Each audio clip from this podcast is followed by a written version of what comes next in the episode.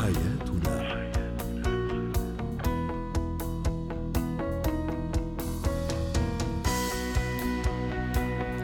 نجدد لكم التحية في برنامجكم اليومي حياتنا المتخصص بشؤون الأسرة والطفل والجمال.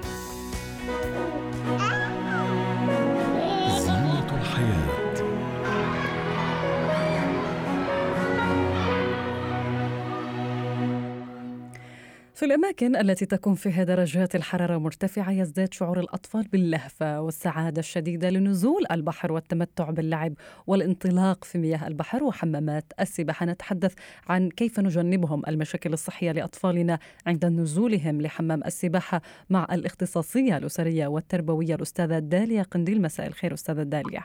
مساء الورد أهلا.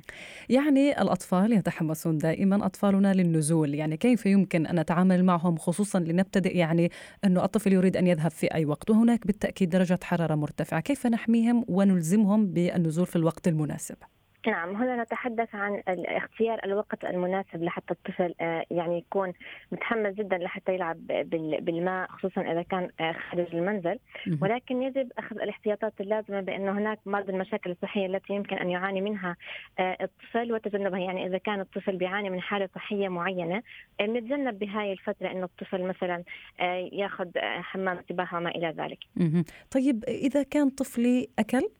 يعني أنا كنت بقدم له وجبة غداء ونزل نعم. إلى الماء. ماذا كيف يؤثر عليه؟ لأنه البعض يأكل وينزل إلى الماء وهناك يعني تحدث بعد هذا الشيء ممكن آه، يعني يعتمد على على الطفل بشكل عام يعتمد على حالته الصحية بشكل عام نعم. يعني كيف بنشجعه إذا كان عنده فوبيا من النزول للماء؟ نعم. إذا كان الطفل بيعاني فوبيا هاي المشكلة بتظهر عند أغلب الأطفال بسن الاربع أشهر إنه الطفل بيصير عنده خوف من الماء عنده خوف من الاستحمام وبتعاني الأم من هاي المشكلة. بعضها بيكون طبيعي ولكن ردات فعل الوالدين اتجاه الموضوع إما بتجعل المشكلة إنها تستمر أو حتى إنها آه، تختفي طيب آه، ممكن نعم. تفضلي. من من الأعراض اللي اللي بت... الأشياء اللي بتسبب الفوبيا عند الأطفال اللي هي ذكرى سيئة مع الماء. ممكن يكون الطفل آه، تلقى رشة آه، ساخنة آه، أثناء الاستحمام أو حتى كان مثلا تعرض للحروق الجسدية أثناء الاستحمام. هذا الشيء يسبب له خوف من النزول في حمام السباحة أو حتى الاستحمام بشكل عام في المستقبل. طيب. بالنسبة للاستحمام ضروري جدا. يعني كثير سمعنا عن حالات أطفال أصيبوا بسبب إنه الأم ربما لم آه، تقوم بعملية الاستحمام للطفل بعد خروجه من الماء لأنه مياه البحر مليئة بالأشعة الشمس الضارة مياه أيضا المسابح مليئة بالكلور أهمية الحمام للطفل بعد الخروج. نعم من المهم جدا إنه يكون في مثل عملية تحمية بعد بعد بعد عملية السباحة للطفل فكثير مهم إنه الطفل ياخذ حمام آه، حمام بعد خروجه من السباحة حتى إذا كان في ممكن رواسب مضرة عالقة ممكن اي شيء ممكن يسبب التهاب جلدي وممكن إنه يذهب مع الماء والتعقيم. طب كيف يعني أجبر الطفل أو يعني لن نقول إجبار يعني الأمر حساس جدا. ربما ما بردوا علينا موضوع الذهاب إلى الحمام الخروج من الماء الذهاب إلى الحمام. لأنه هذه الأمور عندما تحدث بعض الأطفال الآخرين يقوموا بذلك وهذا يسبب حساسية لباقي الأطفال داخل الماء. كيف أعلم طفلي يخرج من الماء يذهب إلى الحمام أيضا؟ تحديد وقت. يعني مثلا إحنا ممكن نروح عند الطفل نحكي له إنه باقي لك باقي لك ثلاث دقائق لحتى تخرج من ال من ال من حوض السباحة والذهاب إلى الحمام، يعني إحنا بنوجه له أمر بشكل واضح وصريح ووقت محدد لحتى يخرج الطفل من الحمام آه، من حمام السباحة إلى الحمام العادي. طب كثير من الأطفال ترفض الخروج من الماء يعشقون المياه يعني يرفض تماما الخروج ويبقى لساعات متأخرة أيضا لا عند عند قيامنا بتحديد الوقت أغلب الأطفال يستجيب لهذا الوقت يعني. مثلا ممكن انها الأم تحدد مثلا خمس خمس دقائق وإنه لازم تخرج من المي. آه، بترجع مثلا باقي ثلاث دقائق باقي دقيقتين باقي دقيقة لحين إنه امرهم بانهم الخروج من الماء. يعني إحنا بنتبع النهج التدريجي بالوقت. يعني باقي خمس دقائق أربع دقائق ثلاث دقائق لحتى جسم آه، لحتى الطفل وجسمه إنه يتهيأ للخروج من الماء. نحن نعيش في أستاذة داليا في في أماكن درجة حرارتها مرتفعة. الكبار نعم. يؤثر عليهم قلة شرب الماء. الأطفال كيف أيضا نبذل مجهود معهم ليشربوا مياه في ظل يعني عدم تذكرهم لهذا الأمر أيضا. نعم هلا هذا الشيء يعتمد على حسب ال ال ال يعني البيئة المنزلية بشكل عام وتقديرهم لأهمية شرب الماء بشكل مستمر، يعني إحنا ممكن نجيب مثلا مطارات بأشكال لطيفة وجميلة للأطفال لحتى نحفزهم على شرب الماء، ممكن إن إحنا نحضر مكافآت معينة للطفل لطفلنا إذا مثلا حددنا مثلا ثمان كاسات مي باليوم بيشربها إنه ممكن نعطيه مكافأة مثلا معنوية معينة. نعم. آه، آه، فهناك الكثير من الأمور. هم أصلا الأطفال بشكل عام بيقلدوا الكبار فكلما كان الكبار بيهتموا بهذا الجانب الأطفال الأطفال الصغار سوف يقلدونهم بذلك. نعم. بالضبط. الشكر الجزيل للاختصاصية الأسرية والتربوية داليا قنديل. مهارات الحياة.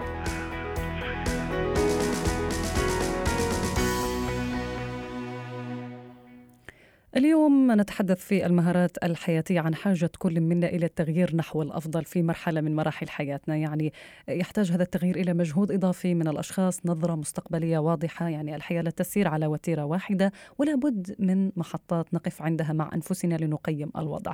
نتحدث الآن مع آه، الأستاذ محمد الطيب مدرب مهارات الحياة. مساء الخير أستاذ محمد. مساء النور كيف أول أهلا بك. أول شيء أريد أن أفتتح به قصة السؤال الذي يطرحه البعض. لماذا التغيير وما فوائده؟ البعض لا يريد يعني. آه سؤال مهم. إن الناس بتسأل هي ليه ما تتغيرش آه ولكن هو السؤال الأهم. هل هو مبسوط بالوضع اللي هو فيه؟ نعم. الشركات الكبرى لما كانت فكرت بالسؤال ده نزلت من رقم واحد للرقم الأخير. لأن من لم يتقدم يتقادم. نعم. دي قاعدة قاعدة عامة يعني إن لازم الشخص طول ما هو عايش لازم يتحرك لأن في ناس عايشة في الدنيا ومش عايشة. هو ده اللي مش قابل للتغيير. أي حاجة غير قابلة للتقدم والتغيير فهي مش عايشة. طيب بالنسبة للطموح لما نريد أن نصل إليه كثير منا يقف وقفات كل فترة مع نفسه ويجد بأنه مثلا في مرحلة من اليأس والفشل ولا يستطيع أن ينطلق إلى النقطة الأخرى يبقى في مكانه. كيف يمكن أن نحفز هؤلاء للوصول إلى المراحل التي يرغبون بها؟ جميل. آه، آه، السؤال نفسه في حد ذاته هو هو الإجابة. آه، يعني إحنا بنفكر عن طريق أسئلة. لو السؤال قوي فالإجابة قوية فالفعل قوي. لو السؤال ضعيف فالإجابة ضعيفة فالفعل ضعيف. ولذلك طريقة السؤال إزاي أحفز نفسي قبلها لازم يكون أنا عايز إيه في حياتي. لازم يكون عندي ناتج مش فقط هدف. لازم أسأل نفسي what do I want أنا عايز إيه في الحياة؟ السؤال الثاني اللي يبدأ في تحفيزه هو أنا ليه عايز الشيء ده؟ ولازم يجاوب عليه بخمس أجوبة قوية. لو السبب قوي فبالتالي الفعل سهل. زي ما بيقولوا لنا كده دايما أعطينا مثال أستاذ محمد يعني مثلا الخمس أسئلة. حلو. أو الخمس الخمس إجابات أصلاً. إجابات. حلو. لو إحنا عندنا واحد مثلا لو نعرف حد عايز يضعف بقاله خمس سنين أو عشر سنين وراح لدكتور قال له أنت لو ما ضعفتش في عشر أسابيع آه هنبطل رجلك. هيعمل إيه؟ هيحاول. ده ده هيضعف وهو قاعد قبل ما مثلا. ليه؟ لأن السبب قوي. فطول ما أسباب قوية. فده اللي بيحصل إن الأسباب القوية هي اللي بتجيب الناتج. يعني ننتظر من يشدنا؟ أستاذ محمد ننتظر من يشدنا؟ هي الأسباب. أها. لكن مش الأشخاص. لو هتعتمد على أشخاص فبالتالي هتحبط زي ما أحبط كل الناس يعني ما اللي حاولوا قبل كده. لكن آه، اللي بيسموها ال purpose driven أو السبب الدافع.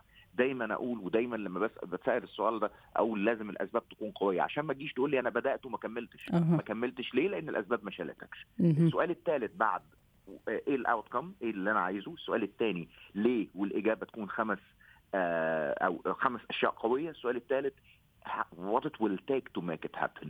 إزاي أعمل ده؟ no. نعم. آه وده ما الناس ما تقلقش عليه كتير لأن لو الأسباب قوية ده هيكون آه، موجود اوتوماتيك فالشغل الحقيقي هو في اني أجاوب أنا عايز إيه في الحياة؟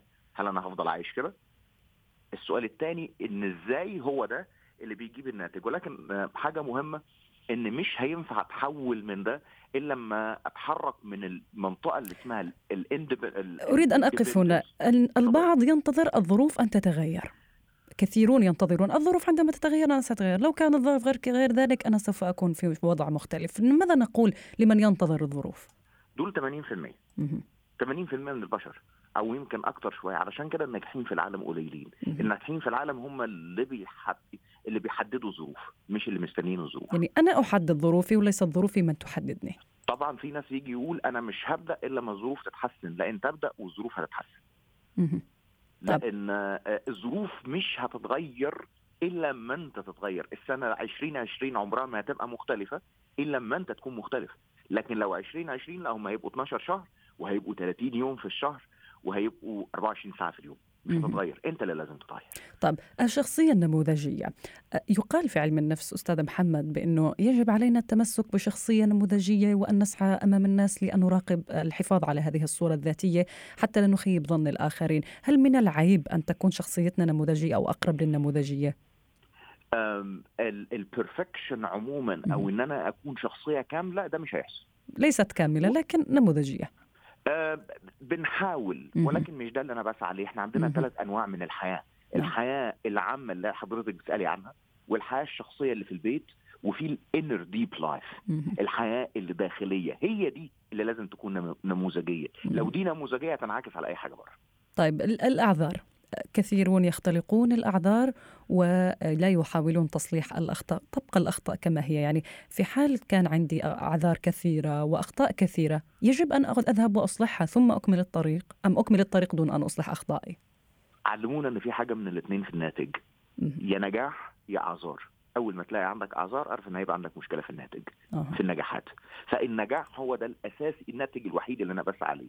لأن في الأول وفي الآخر قبل ما أشاور لبره أشاور لجوه. لازم التصحيح من الداخل. أما إن الأشخاص كلها تتغير عشان أنا أتغير ده نموذج بنشوفه في الأفلام بس. طب كيف أكتب ما أريد إزالته وكيف أتخلص منه؟ الطباع الشخصية. ده برضه هيتحدد بالسؤال اللي هسأله لنفسي إيه القرار النهارده اللي لازم أخلص بيه من من الحاجات اللي أنا شايفها واقفة في حياتي؟ لأن اللي بيقف في حياتنا أمور كتير وأنا عارفها قبل أي حد ولكن لازم أكون أمين مع نفسي وأقرر من النهارده إن مش هعدي اليوم إلا لما أكون كاتبها على الأقل. بعد كده نبدأ نصنفها لأن مش لازم كلها تتغير مرة واحدة.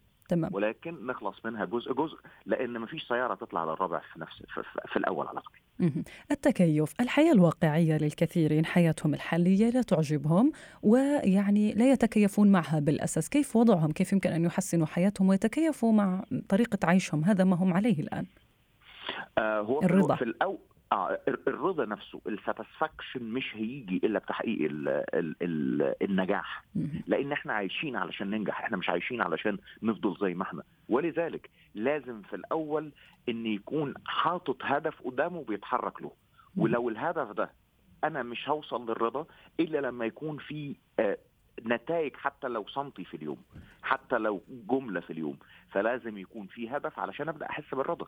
لكن عايش لمجرد عايش ده شخص عادي ومات عادي وعاش عادي وما سابش حاجة وراه. فلا بد من الأول علشان أبدأ أتكيف لازم يكون عندي هدف. تمام. طيب اللوامون من يلومون أنفسهم؟ لا يسامحون أنفسهم على أخطاء الماضي ويرتبطون بالماضي جدا. هؤلاء أيضا. حلو جدا. آه برضه اتعلمنا إن لو عشت على ال memory بتاعك هتعيش على الماضي والماضي ده شيء ما تقدرش تغيره فبالتالي مش من الذكاء أو من الحكمة إن أنا أفكر في حاجة أو شيء يقلقني أنا ما أقدرش أغيره. لا الويذر أقدر لا الجو أقدر أغيره ولا الماضي أقدر أغيره ولا الناس أقدر أغيرها. الحاجة الوحيدة اللي ألوم نفسي عليها إن أنا ما بتغيرش. لكن التفكير في الماضي زي اللي بيقود السيارة وبيبص على المراية اللي ورا. هيلبس في أي حاجة قدام زي ما دايما بنقول. أه. طب إذا كان الماضي جميل لو الماضي لو الماضي جميل نستخدمه في إن هو يكون سبب دافع لقدام. إن إحنا نجمل المستقبل معاه. لكن ماضي جميل من غير مستقبل جميل مش هيجيب ناتج. أه. آه ماضي ماضي سيء آه ممكن لو المست... لو هو ده هيكون سبب في تغيير المستقبل وساعتها هنقول بنفتكر الأيام دي وبنضحك. تمام. ال- الشخص الذي لديه وكلنا طبعا لدينا مزايا وعيوب. الاعتزاز بالذات أستاذ محمد تقبلي كما أنا بتفردي بعيوبي الخاصة بكل شيء. أنا أتقبل نفسي. نعرف دايما أن ربنا سبحانه وتعالى خلقني فريد من نوعي ما كررنيش في حد تاني. فبالتالي لازم أسعى دايما إن أنا أحسن من اللي موجود وأغير من اللي أنا شايفه وحش في حياتي. آه وفي نفس الوقت أكون راضي إذا كنا إحنا بنتكلم على الشكل الخارجي ولا بنتكلم على السلوك. لو السلوك لازم يتغير لأن النواتج لازم تتغير مع تغيير السلوك. عايز ناتج مختلف لازم السلوك يختلف. أما الشكل الخارجي صدقوني في ناس كتير ممكن يكون شكلها مش متناسق ولكن أفعالها بتخلي الناس تشوفها كويس. أه. أستمع ل... هل أستطيع أن أسمع نصائح غيري يعني البعض يقول لا أريد أن أسمع الآخرين والبعض يقول أريد أن أسمع. إلى من؟ أين أقف في الطريق هذا؟ لا ده في نقطة مهمة جدا إن عمرك ما هتتعلم من كلامك ولكن دايما هتتعلم كتير من السمع. Try to understand before you be understood. ودي نصيحة مهمة جدا إن لازم أي حد يسعى للتحسين وللتغيير يحطها في دماغه إن دايما نعم. اسمع للآخر الأول وبعدين بعد كده قرر إذا كنت تعملها ولا لا ولكن خد الآخر للآخر يعني. طيب شكرا جزيلا لمدرب المهارات الحياتية الأستاذ محمد الطيب جلسة ممتعة. شكرا جزيلا.